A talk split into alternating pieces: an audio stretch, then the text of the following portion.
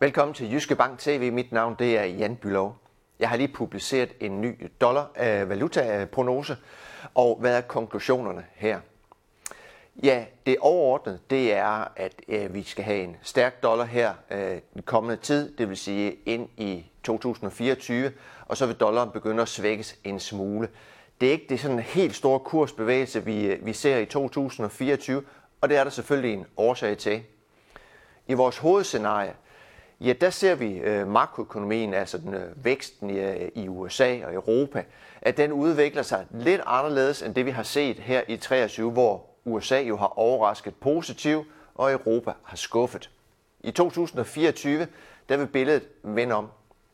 2024, ja, der ser vi faktisk, at der kommer en mild økonomisk øh, recession, eller økonomisk tilbagegang i USA, men af mild karakter. Europa derimod, jamen de vil stadigvæk blive ved med det her sådan en slags øh, stagnation, er nok den bedste måde at beskrive det på, altså sådan lige omkring øh, nul væksten, en lille smule øh, positiv sidst på året.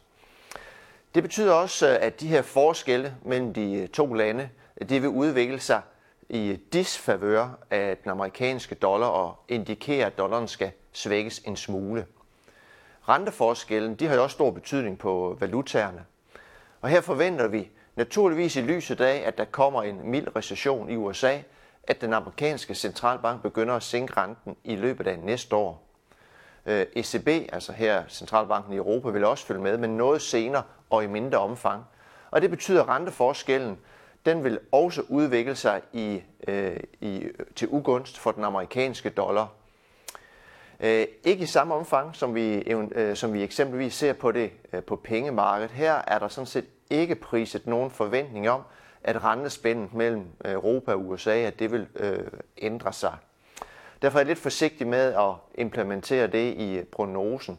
Så når jeg sætter det, de her ting sammen, så betyder det, at øh, vi har stadigvæk en stærk dollar her ind i det første kvartal af næste år.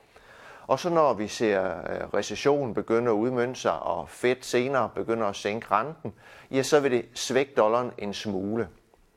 Sådan i, i kurs øh, termer, ja, så betyder det, at øh, euro over for dollaren, som jo er det helt store øh, valutakryds, ja, så sidder vi øh, 1,05 her i første kvartal, og så vil dollaren svække, så det betyder op i øh, 1,10.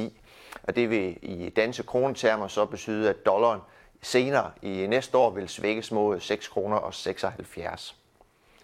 Der er selvfølgelig også et risikoscenarie, som, øh, som øh, I skal være bevidste om.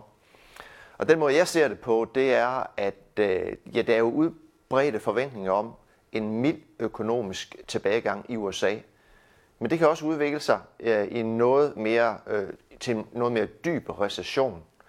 Øh, vi har både, at, øh, at øh, ejendomsmarkederne de er presset mange steder på grund af de her udbredte renteforhøjelser, vi har set i, i mere end et år.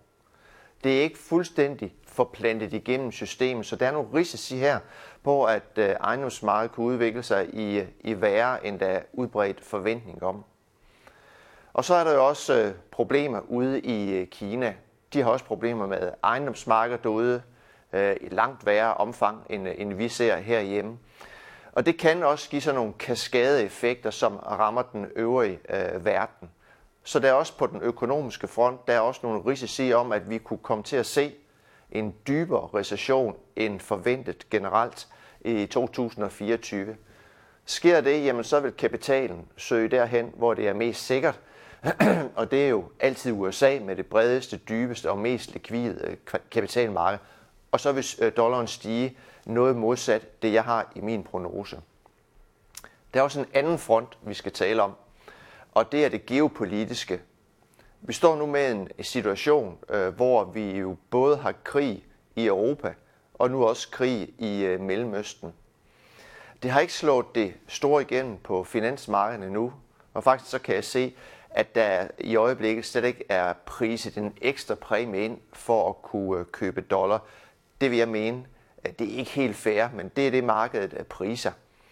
Hvis den geopolitiske situation, blandt andet med ja, øh, Ruslands situation med invasionen i, øh, i øh, Ukraine, og så konflikten i Mellemøsten, som kan udvide sig til også mere eller mindre en direkte konfrontation med Iran, ja, så øh, vil det se noget værre ud. Og så igen, som sædvanligt, hvis øh, tingene udvikler sig i en meget værre øh, retning end generelt forventet, så søger kapitalen mod USA's kapitalmarked, og så vil dollaren stige øh, yderligere og langt mere end det, jeg har øh, i min prognose. Det var risikoscenariet. Hovedscenariet det er, at verden ser rimelig ud næste år, øh, og at dollaren i det perspektiv vil opleve en mindre svækkelse. Det var alt, hvad jeg har taget med. Tak fordi du så med. Ha' en god dag.